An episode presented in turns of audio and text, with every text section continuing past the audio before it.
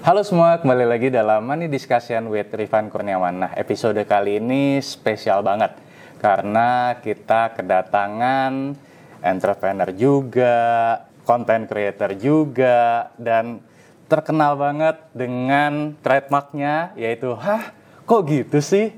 Yaitu siapa lagi kalau bukan Pak Win. Halo, halo, halo. Apa kabar Pak Win? Kabar baik. Anyway, kabar mungkin baik. karena seumuran izin manggil bro nggak Iya, apa-apa ya? bro, bro, bro aja, bro aja udah. Oke, nah ini udah berapa bulan nih kita coba atur waktu dan baru ketemu sekarang ya bro ya. Iya, iya, iya.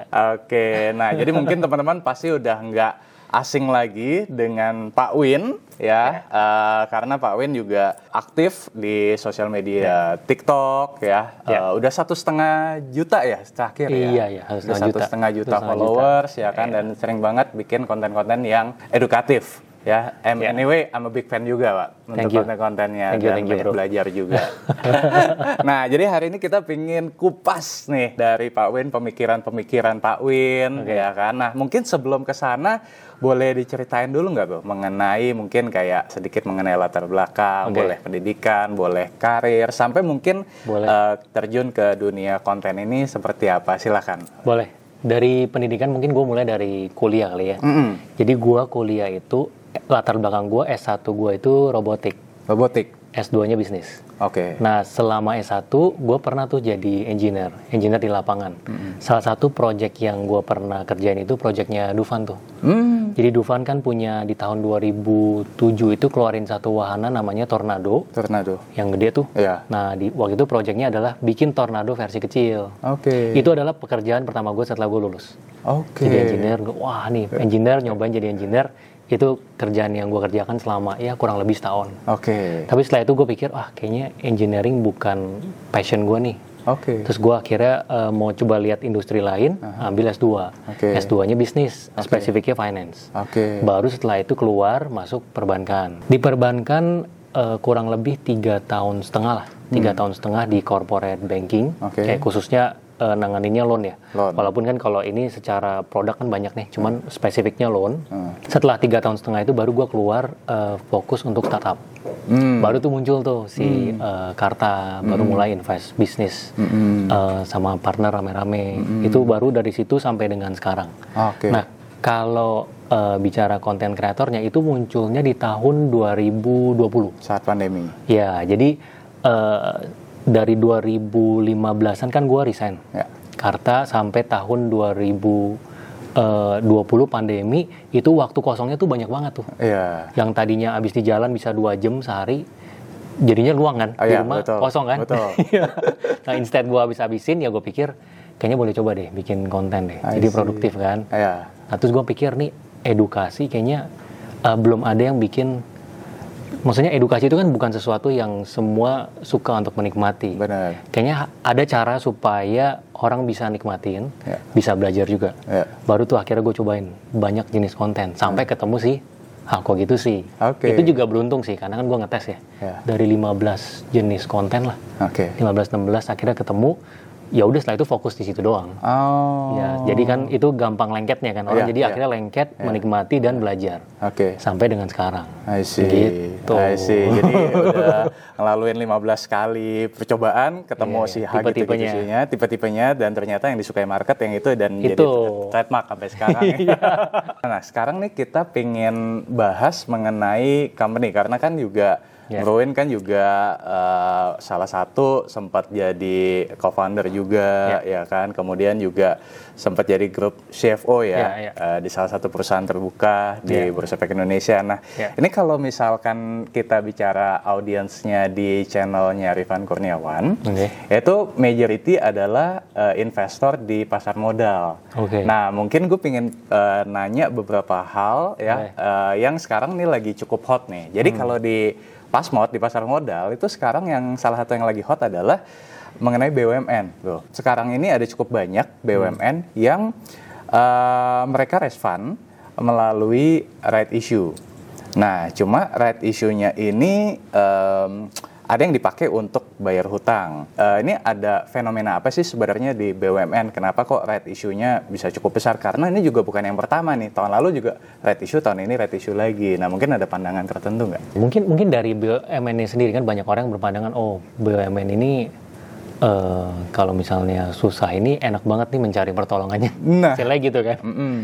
Uh, mungkin gue uh, kasih pandangan dari sisi BUMN-nya sendiri ya. Menurut gue BUMN itu posisinya uh, penting untuk ada ya karena dia tuh sifatnya uh, mungkin nggak banyak orang pikir ke arah sini ya dia itu membalance uh, ranah industri-industri yang kalau misalnya ada pemain yang terlalu besar bisa memonopolize mm -hmm.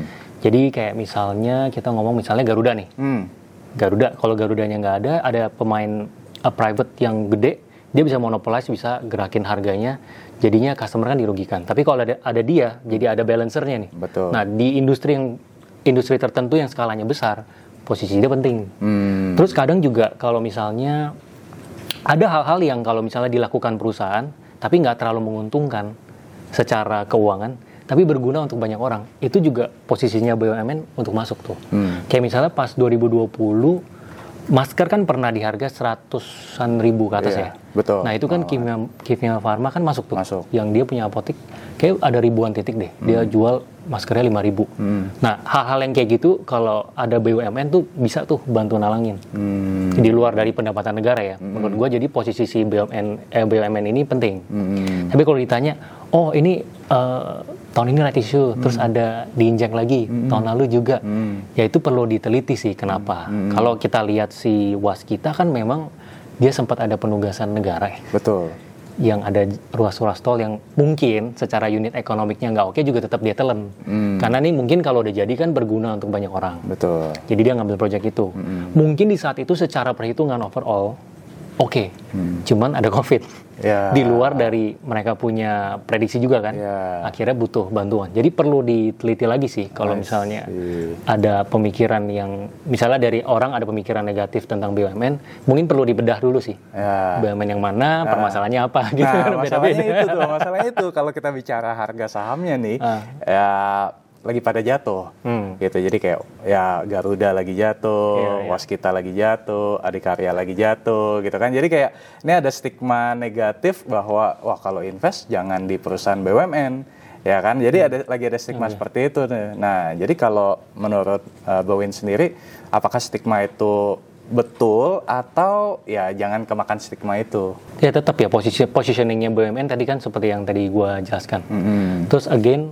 kalau misalnya bicara oh gara-gara gue invest di BUMN turun nih portfolio gue kegerus eh nggak gitu juga sih lihatnya gitu karena kita kan ya. lihatnya dari portfolio kan diversifikasi ya. betul terus kita uh, masuknya industri apa aja mm -hmm. terus setiap industri tentunya kita ada justifikasi kenapa masuk industri itu mm -hmm. terus pas kita mau milih perusahaannya juga kan kita juga membedah dia punya planning dan segala macamnya mm -hmm. ya kalau kayak gini ya berarti nanti pada saat uh, mau invest dilihat nih historicalnya perusahaannya seperti apa, manajemennya siapa, hmm. apakah yang dia ngomong proyeksi itu selalu terjadi hmm. atau selalu di tengah jalan ada banyak yang tiba-tiba berubah, hmm. tiba-tiba ada proyek tambahan, tiba-tiba ada investment tambahan kayak gitu. hmm. gitu. Ya. Okay. Balik lagi sih. Balik lagi. Jadi jangan dilihat satu persatu, satu tapi doang. dilihat portfolio secara keseluruhan ya. Iya. Setuju.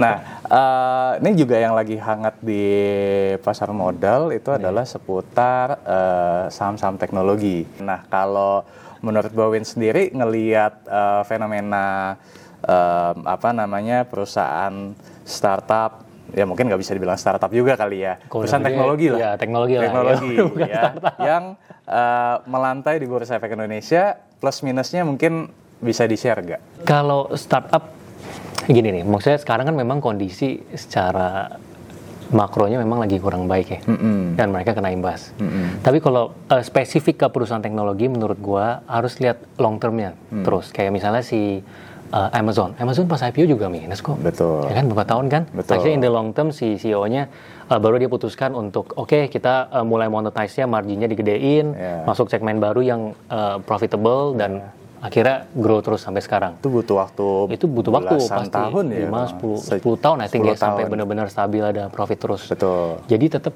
harus lihatnya long termnya sih, potensinya dari yang dilakukan si uh, si pemain teknologi ini. Hmm.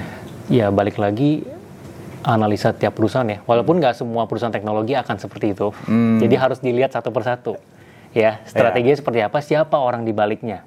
Hmm. Ya itu penting sih. Yang nentuin visi perusahaannya dan strateginya itu siapa sih? Hmm. Kalau misalnya kita udah bedah terus kayaknya ini nggak jelas nih tiap berapa lama ganti, ganti-ganti. Nah itu perlu dipertanyakan. Gitu. Oke oke. Ya, nah ya. kan kalau Bowen sendiri kan juga 2016 kan pernah bikin karta. Jadi kan ya. mungkin tahu nih uh, valuation atau matrix dari uh, gimana sih cara misalkan hmm. menilai perusahaan teknologi dan hmm. sekarang kan kalau kita bicara uh, yang sudah melantai dan yang akan melantai saat ini secara bottom line itu masih pada merah ya kan. Yeah. Nah uh, ada nggak sih kayak mungkin yang bisa dilihat oleh teman-teman investor. Jadi jangan cuma lihat bottom okay. line-nya. Kalau kalau ngomong valuation sebenarnya secara umum dulu nih ya yang paling paling banyak ya kalau kita ketemu misalnya di luar biasanya kan benchmarking. Oh, di luar ada startup A valuasinya sebesar sebesar ini, okay. GMV-nya sebesar ini. Uh -uh. Terus kelihatan tuh multiple-nya. Yeah. Terus dicari, oh lu punya startup nih modelnya sama tapi size-nya lebih kecil. Oke, kita cari uh, valuasinya disesuaikan. Betul. Tapi biasanya kalau nggak ada benchmarking itu sering banget pakai revenue multiple.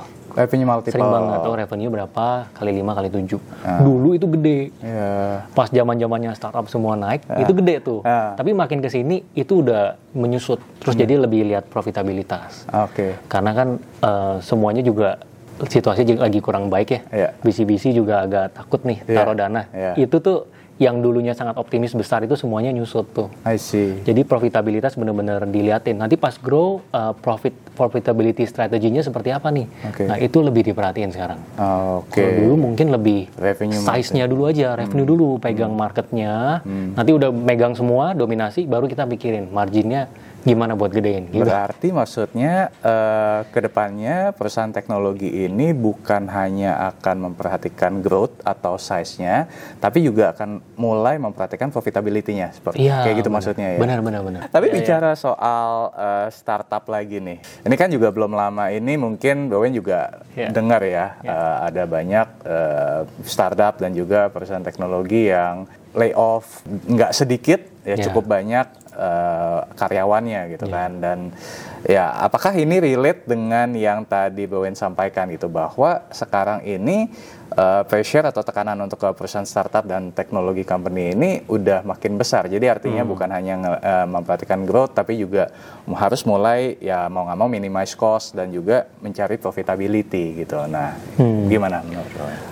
Uh, salah satu yang bikin uh, layoff ya, kan ada banyak faktor nih. Salah satunya mungkin karena dulu pada saat 2017 sampai 19 lah itu itu growth growthnya hmm. tech sektor kan semuanya kayak valuasi besar. Ini lagi series B, series C kan. Yeah. Itu banyak yang strateginya ambil dana gede, rebut semua talent yang ada di market, yeah. terutama di talent-talent yang jarang nih, IT, data scientist, hmm. ambil dulu semuanya dengan gaji besar, hmm. nanti baru pikirin projectnya dikasih apa. Oh. Itu karena uh, ada orang yang gue kenal nih beberapa ya, okay. masuk uh, dengan gaji yang fantastis. Uh. Uh, tanpa ada kerjaan dulu nih beberapa bulan, okay. baru dilemparin project. Okay. Jadi kelihatan, wah oh, ini kayaknya memang strateginya salah satunya selain uh, dana besar buat si bisnisnya, ini buat rebut talent nih. Hmm. Jadi startup kecil yang mau mulai bersaing, eh gue mau coba, itu nyari talentnya berat.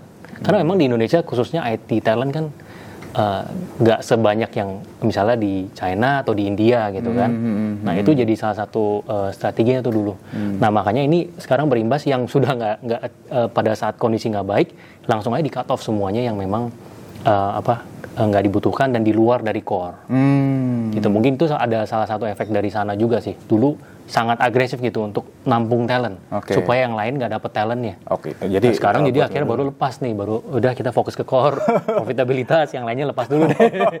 ya, di oh. tag kena semua kan.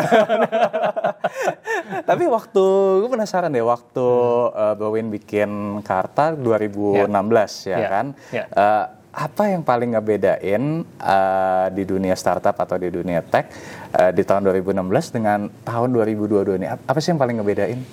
Yang paling bedain itu sih ya. Salah satu kan dari sisi kalau uh, visinya sekarang kan lebih lihat profitability ya. Yeah. Kalau misalnya kita ngomong sama VC. Okay. Kalau dulu itu uh, how big can you go aja pokoknya.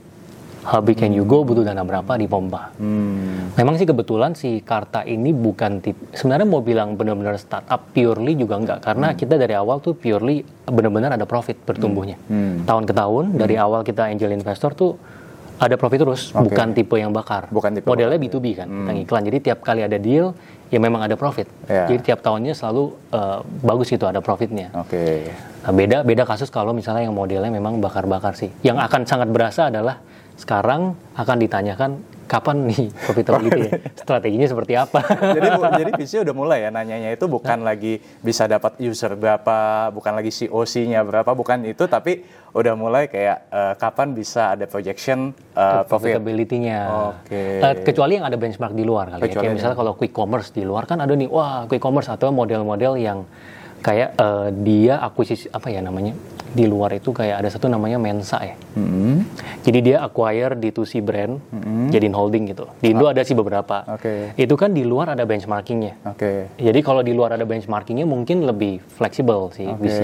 Tapi kalau nggak ada benchmarking something new, pasti profitability ditanya. I pasti see. sih. Pasti sih. Jadi, jadi uh, apa namanya? Tapi kalau dari segi kan beberapa waktu lalu sempat bikin podcast juga ya sama yeah. salah satu uh, visi juga. Yeah, yeah, Jadi yeah. dibilang bahwa 2022 ini visi emang ngerem banget. Itu bener ya? Gini sebenarnya gua sih nggak sampai ke semua visi. Uh, uh, Jadi uh, uh, mungkin nggak tahu data gua valid atau enggak. Uh, Tapi dari yang gua uh, ngomong, uh, uh. ketemu dan ngomong, rata-rata sih ya ngerasa apa lebih ngerem karena ya itu mereka akan melihat faktor itunya yang oh, okay. ini bakar-bakar atau ada ada kejelasannya nih dari sisi tapi itu ada ada ada ada hubungannya nggak sih dengan ya kita kan sama-sama tahu ya 2023 ya, ya di banyak yang bilang bahwa akan ada resesi ya, global ya. segala macam. Itu mempengaruhi? Oh pasti pasti, pasti dong. ya? pasti dong. Karena uh, CBC ini kan juga pastinya si LPLP-nya ini kan maksudnya mereka melihat kondisi 2003 seperti apa juga mereka pasti ada ada yang ngerem ngerem kalau misalnya mereka ngerem ya visinya otomatis akan akan, akan jadi ngerem akan gitu ngerem juga ya, okay. ya kan mereka kan ngelola dana dari si limited partner ya kan. Oke, oke. Oke, Gowin, eh uh, gue mungkin pengen balik lagi karena uh, audiens di Rifan Kurniawan ini kan mayoritas yeah. adalah perusahaan investor yeah. di pasar modal yeah. ya kan, which is mereka pengen invest di perusahaan-perusahaan yang udah melantai di Bursa Efek Indonesia hmm. gitu kan. Nah, hmm. tapi kalau kita bicara sampai dengan hari ini kita podcast, pilihan hmm. untuk perusahaan teknologi itu masih bisa masih masih dikit banget lah. Bowen sendiri kan sebagai pelaku startup dan juga teknologi company, hmm. ingin nanya sebenarnya apakah kalau dari sisi co-founder hmm. dari perusahaan uh, tech gitu ya, melihat pilihan untuk IPO di Bursa Efek Indonesia itu sebagai opsi yang menarik atau malah IPO ini bukan sesuatu yang menarik mendingan uh, tadi mendingan uh, company gue di acquire ya hmm. gue bisa exit. Oke okay, ini menarik nih. Tapi gini mungkin uh, spesifik ngomongin exitnya dulu ya. Banyak yeah. kan orang yang mikir oh kalau misalnya founder di acquire seakan-akan si foundernya ini dapat cash. Hmm. Dan sedangkan banyak sekali akuisisi yang besar ya kalau kita lihat di media besar itu akuisisinya pakai saham. Hmm. Jadi oke okay, di akuisisi satu triliun padahal itu kayak the majority of the acquisition value-nya itu semua di saham. Jadi hmm. dia tetap lengket ke holdingnya punya saham nih. Hmm. Holdingnya belum IPO ya dia pegang kertasnya. Cashnya juga nggak banyak. Jadi kalau ditanya nih exit di acquire atau IPO kalau di acquire juga masih uh, non cash, ya ah. ya sama aja kan jadikan posisinya yeah, kan. Yeah. Ya ideally memang di acquire cash. Ya okay, dong pasti acquire yeah. full cash semuanya. Yeah. Cuman di asli kalau yang besar-besar memang jarang sih, jarang. Pasti ada porsi sahamnya. I see. Terus kalau ditanya IPO menarik atau enggak, ya uh, ya pasti menarik ya karena kan di IPO itu jadi sebenarnya nggak nggak cuma pendanaan sih ini kan jadi perusahaannya lebih rapi hmm. terus kalau memang uh, pengen mundur majuin profesional yang lain juga bisa gitu kan terus kalau mau jual uh, sahamnya nggak semuanya sebagian pelan-pelan juga bisa hmm. over time jadi hmm. ya tiap founder pasti beda-beda lah pemikirannya hmm, I see. tapi beda -beda. tapi uh, kalau menurut Wawin sendiri sebenarnya IPO merupakan salah satu opsi yang menarik ya menarik. Kalau dari saya masih menarik. Oke. Okay. Nah, bicara soal uh, startup lagi nih. Hmm. Ini kan um, correct me if I'm wrong ya, hmm. tapi uh, ada banyak yang menggunakan skema non voting shares. Ah, oke. Okay. Nah, uh, sebenarnya kalau dari sisi uh, perusahaan startup sendiri atau tech company sendiri, seberapa penting sih non voting shares ini dan ya kenapa ada non voting shares itu, Pak Penting sih ujung-ujungnya sih lebih ke ya kita sebagai co-founders itu tetap masih megang kendali perusahaan. Terutama kalau misalnya di level seed atau series A mungkin masih lebih dari 51% ya. Hmm. Tapi kan begitu masuk series B, series C, hmm. ya terkadang kita pas ketemu investor kita ngerasa kita butuh dananya dengan size yang besar ada investor yang kita butuh dananya tapi kita ngerasa kayak dia kita maunya uh, dia nggak ngambil uh, keputusan di dalam nih mm-hmm. nah itu non voting shares mestinya masuk tuh terutama dalam negosiasi ya salah mm-hmm. satu yang bisa dimajuin tuh non voting shares mm-hmm. tapi kalau kita lihat perusahaan yang besar biasa modelnya sih dual dual class dia kayak kalau hmm. di Indonesia ada deh hak suara multiple ya, yeah, yang yeah, buat tag tuh, yeah, ada sih mestinya. Gue tuh kemarin kan juga bikin uh -uh. tuh. Yeah. Jadi yang satu tuh bisa untuk uh, setara 10 vote, yes. yang satu satu vote. Yes. Nah, jadi itu secara jumlah mungkin nggak banyak, tapi secara vote-nya banyak. Iya, jadi dia bukan kasih non voting, dia ya dia terbitin yang uh, hak hak suaranya ini multiple. Oke. Okay. Uh, kali 10 misalnya. Yeah. Ya intinya supaya si foundernya kalau punya visi atau apa tuh tetap dia yang bisa gerakin gitu sih. Okay. Karena kebanyakan sekarang yang nggak mikirin ke arah sana tuh jadinya uh, banyak keputusan besar yang seakan-akan si foundernya yang lakukan padahal di baliknya itu orang-orang yang eh, investor yang besarnya nih menggerakkan gitu. Oh, Kebanyakan begitu. Oh, gitu. gitu. Makanya dipakailah uh, sistem dual uh, multiple shares tadi ya. Iya, kayak si Facebook, uh, Google, Alibaba mesti gitu sih. Hmm. Ya, terutama Facebook ya si yeah. Mark Zuckerberg kan super voter ya sebutannya super voting share. Jadi dia yang pegang kendali semua gitu. Ini sekarang kan juga lagi hot tentang resesi hmm, 2023 ya kan um, meskipun banyak agree uh, banyak yang agree banyak yang disagree juga anyway kemarin kan juga uh, US baru rilis data GDP kan yeah, dan iya, iya. Positif ya yeah. kan jadi untuk sementara kayak cooling down dulu resesi itu tapi kalau just curious aja sih kalau dari sisi Bowen sendiri ngelihat 2023 itu akan seperti apa Uh, kalau dari gua karena gini, karena sekarang kan situasinya nggak menentu ya. Yeah. Kita nggak tahu nih next few months uh, bisa bisa terjadi apa gitu. Yeah. Di luar dari misalnya kayak kemarin, oh ada varian baru lagi nih. Entah tiba-tiba varian ini mengharuskan semuanya untuk seperti 2020 lagi kan no one knows. Yes. Intinya di situasi yang nggak menentu ini kita sebagai investor ya jaga-jaga. Kalau kayak gue nih sekarang gue ada cash semua nih. Oke. Okay. Gue uh, like majority udah megang cash buat okay. tahun depan, regardless okay. of what is going to happen. Oke. Okay. Itu karena uh, kondisi kita nggak tahu ya. Walaupun kita bilang oh Indonesia pertumbuhannya masih oke okay kok, hmm. uh, Indonesia nggak bakal kena efek domino dari luar kok. Hmm. Tapi kalau kita lihat nih, karena semuanya kayak di media sudah ngomong seperti itu, hmm. kemarin juga sempat ada yang berputar ngomongin tentang resesi tahun depan.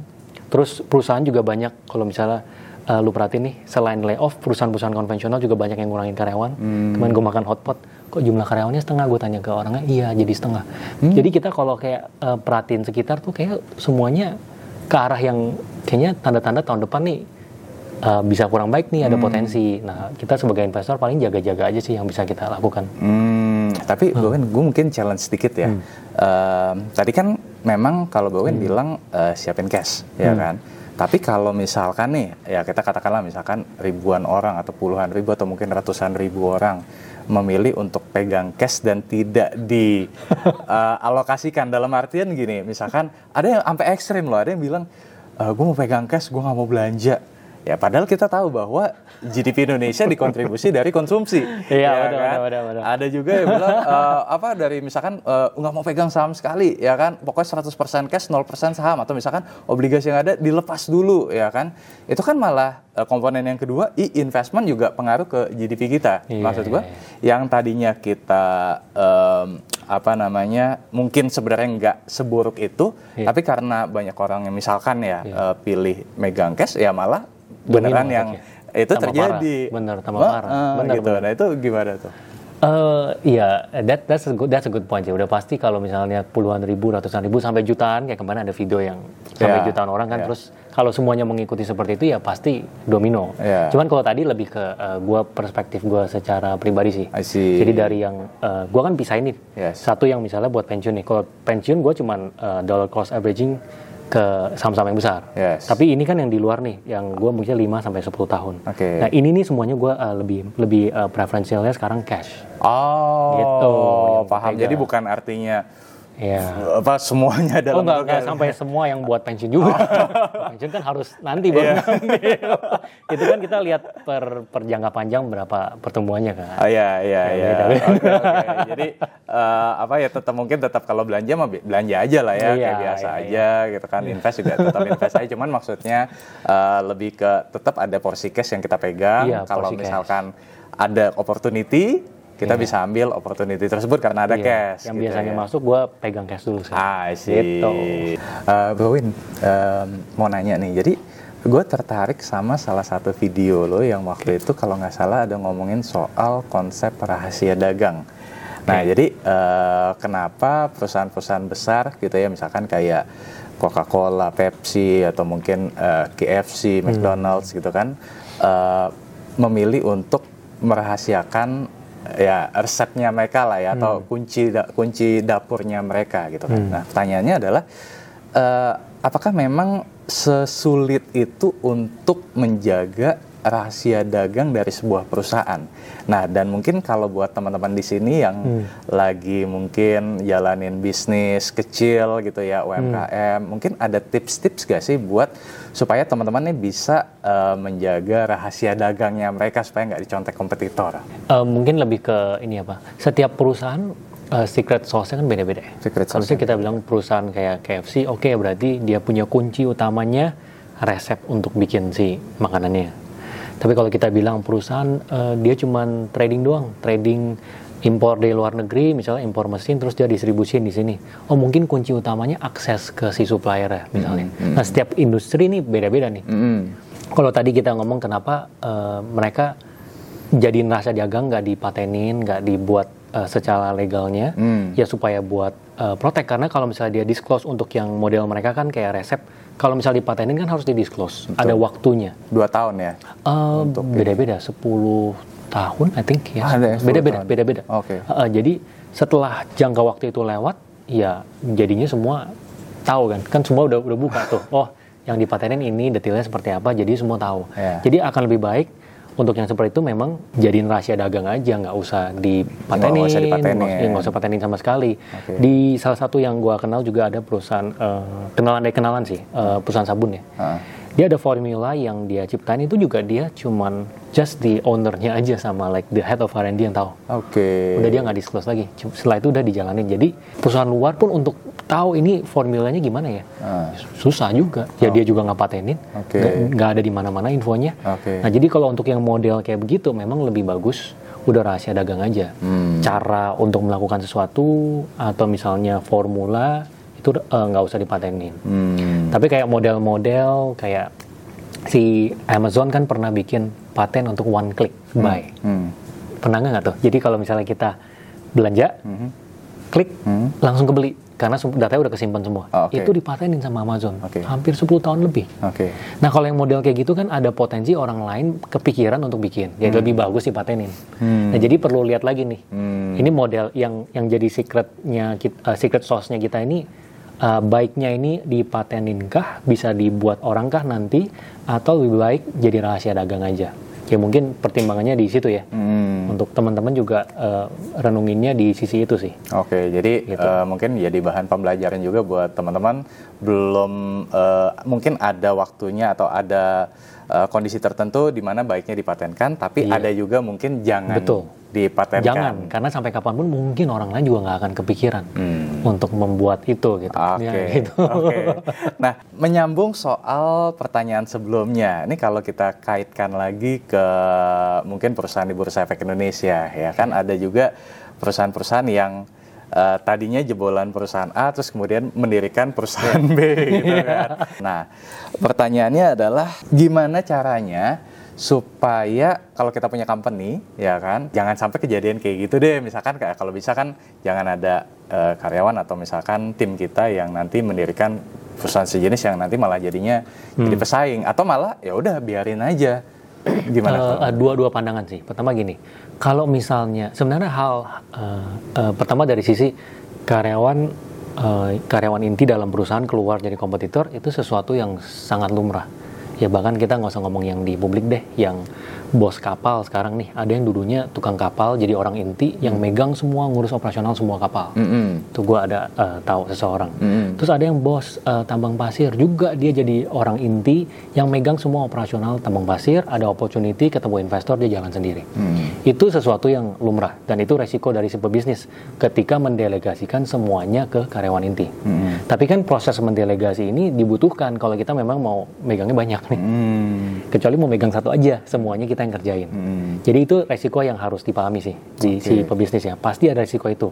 Hal terbaik yang bisa kita lakukan ya tetap uh, yang bisa kita jaga ya kita jaga. Oke. Okay. Tapi ya selebihnya kalau memang dia ada eksplorasi sendiri dan jalan ya itu memang resikonya kita. Resikonya kita. Kalau kita ngomong ada nggak sih pebisnis yang sama sekali nggak ngelepas kuncinya ke karyawan tapi perusahaannya besar? Hmm. Ada juga. Gue tahu ada perusahaan yang hmm. di bidang periklanan besar gitu ya. Hmm. Itu sampai sekarang bosnya itu um, akses-akses ke brand besar atau relationship sama yang orang-orang kuncinya nih dia pegang sendiri turun ke lapangan. Hmm. Perusahaannya saya besar. Hmm dia, dia sendiri yang turun tangan hmm. dia nggak mau dilepas karena oh, dia jadi... mikir nanti kalau dia lepas ini kan agensi selama ada relationship itu bisa langsung bikin sendiri lagi yeah. nah, dia pegang pegang sendiri semuanya oh. tapi resikonya itu waktunya jadi habis di sana yeah. kalau mau ekspansi bikin banyak nggak bisa oh, karena jadi balik lagi nih dia dia dia jadi masuk operasional ya bukan iya, strategik dia masuk lagi nggak strategik dan kalau kita mau strategik ya itu salah satu resikonya oh. gitu pasti ada celah di sana ketika karena si yang terdelegasi menjadi karyawan inti ya pasti kan akan mengerti semuanya dan ya itu pasti terjadi di industri apa pun sih. Jadi ya tetap selalu akan ada risiko. Dan itu salah satu jalur entrepreneurship tuh. Maksudnya banyak sekali yang uh, pengusaha sekarang yang besar gitu ya. Dulunya itu memang karyawan inti. Itu banyak kalau kita benar-benar uh, ngulik nih dari hmm. historical. Hmm. Dari non pengusaha jadi karyawan inti, naik pegang semua, mm-hmm. terus keluar jadi pengusaha itu banyak sekali. Okay. Itu salah satu jalur entrepreneur sih. Okay. Jadi mungkin itu sekaligus jadi pesan tuh buat teman-teman yang sekarang uh, bekerja di perusahaan, ya kan? Jadilah karyawan inti. Jadilah karyawan inti. Karena bisa jadi nanti kamu akan jadi perus- uh, pengusaha yang bisa besar. Jadi pengusaha, ya itu sesuatu oh. yang lumrah sih. Okay. Wah, ini um, apa namanya banyak banget uh, insight yang gue pun hari ini banyak belajar dari Bowin. Yeah. Ya kita uh, akhirnya bisa memetik buah pikiran dari Pak Win yeah, ya. Yeah. Kok bisa ada banyak momen-momen yang tadi sebenarnya ketika ngomong, "Ah, kok gitu sih?" ya, tapi ternyata seru banget ya kalau kita yeah, bicara yeah. soal tadi kita udah ngomongin seputar uh, perusahaan publik, yeah. BUMN, startup, UCG yeah, yeah. ya dan mungkin uh, teman-teman juga ketika nonton juga, "Hah, kok gitu sih?" ya. Kan? anyway, Bawin mungkin boleh di-share gak mungkin uh, sekaligus sebagai closing statement ya buat teman-teman yeah. di rumah di channel YouTube-nya Rifan Kurniawan mungkin boleh uh, advice-advice mengenai uh, bisnis, investment ataupun mungkin terkait uh, persiapan di 2023 nanti. Any kind boleh silakan. Hmm, mungkin mungkin ke investment kali ya karena di momen kayak begini uh, mungkin uh, satu hal yang mau gue tekanin di sini jangan pernah all in seberapapun yakinnya hmm. kalian hmm. dengan sesuatu. Hmm. Entah itu ada orang terkenal hmm. atau orang hebat, orang kaya kasih tahu ini investasinya oke, okay, terus sudah pasti 100% naik, jangan pernah all in. Hmm. Diversifikasi karena di momen-momen kayak gini nih banyak yang wah ini once in a lifetime hmm. all in tahun depan kali 5 kali 7 hmm. tahu-tahunya boncos. Hmm. Itu uh, banyak banget ya di tahun 2021 orang yang saya kenal tuh karena all in itu uh, jadi ancur-ancuran sih, ancur-ancuran. Jadi untuk teman-teman di sini jangan pernah all in hmm. seberapapun yakinnya kalian. Hmm. Iya, gitu. Oke, okay, jangan pernah all in, in ya. ya. Diversifikasi. Oke. Okay. Nah, kalau untuk persiapan mungkin 2023 ada nggak tips-tips tertentu selain diversifikasi tadi? Uh, eh, 2023 kalau dari saya pribadi kan tadi saya udah cerita ya. Kalau saya pribadi kan tetap semuanya cash nih. Ya, Tapi setiap orang mungkin punya pandangan berbeda. Kayak tadi Bro Rifan mungkin, oh nunggu dulu nih sampai momen window dressingnya selesai. Ya. ya. Yang pasti teman-teman regardless dari opini kita. Ya. Ya teman-teman tetap pelajari sendiri. Do your own research. Baiknya seperti apa? Historical yang terjadi seperti apa? Di momen itu baiknya seperti apa? Hmm. Jadi jangan mentah-mentah juga dengerin kita dan ngikutin sih. ya, tetap harus sendiri. juga ya, teman-teman ya. Oke. Thank you so much, yes, Gawin, buat waktunya main thank ke studio, juga. sharing yes. ke teman-teman semua, dan semoga sesi podcast kali ini bisa bermanfaat buat teman-teman. Ya, kalau kamu suka dengan video ini, jangan lupa untuk klik like, subscribe, dan juga jangan lupa follow Pak Win juga di. Dan ikut kelasnya Bro Rifan. Ya, thank you. ya, nanti uh, kalau misalkan teman-teman pengen keep contact dengan Pak Win, mungkin ya. bisa ke mana, Pak? Keep contact DM aja DM DM aja DM di at asah pola, pola pikir, pikir ya, ya nanti ya. linknya kita taruh di kolom deskripsi. Kayak pasti semua udah pada follow juga oh, iya. Oke oke oke. Thank you so much ya Pak Win untuk ya, waktunya thank you, thank you, ya. thank you. Uh, sampai ketemu ya. lagi di podcast berikutnya. Bye bye semuanya. Dah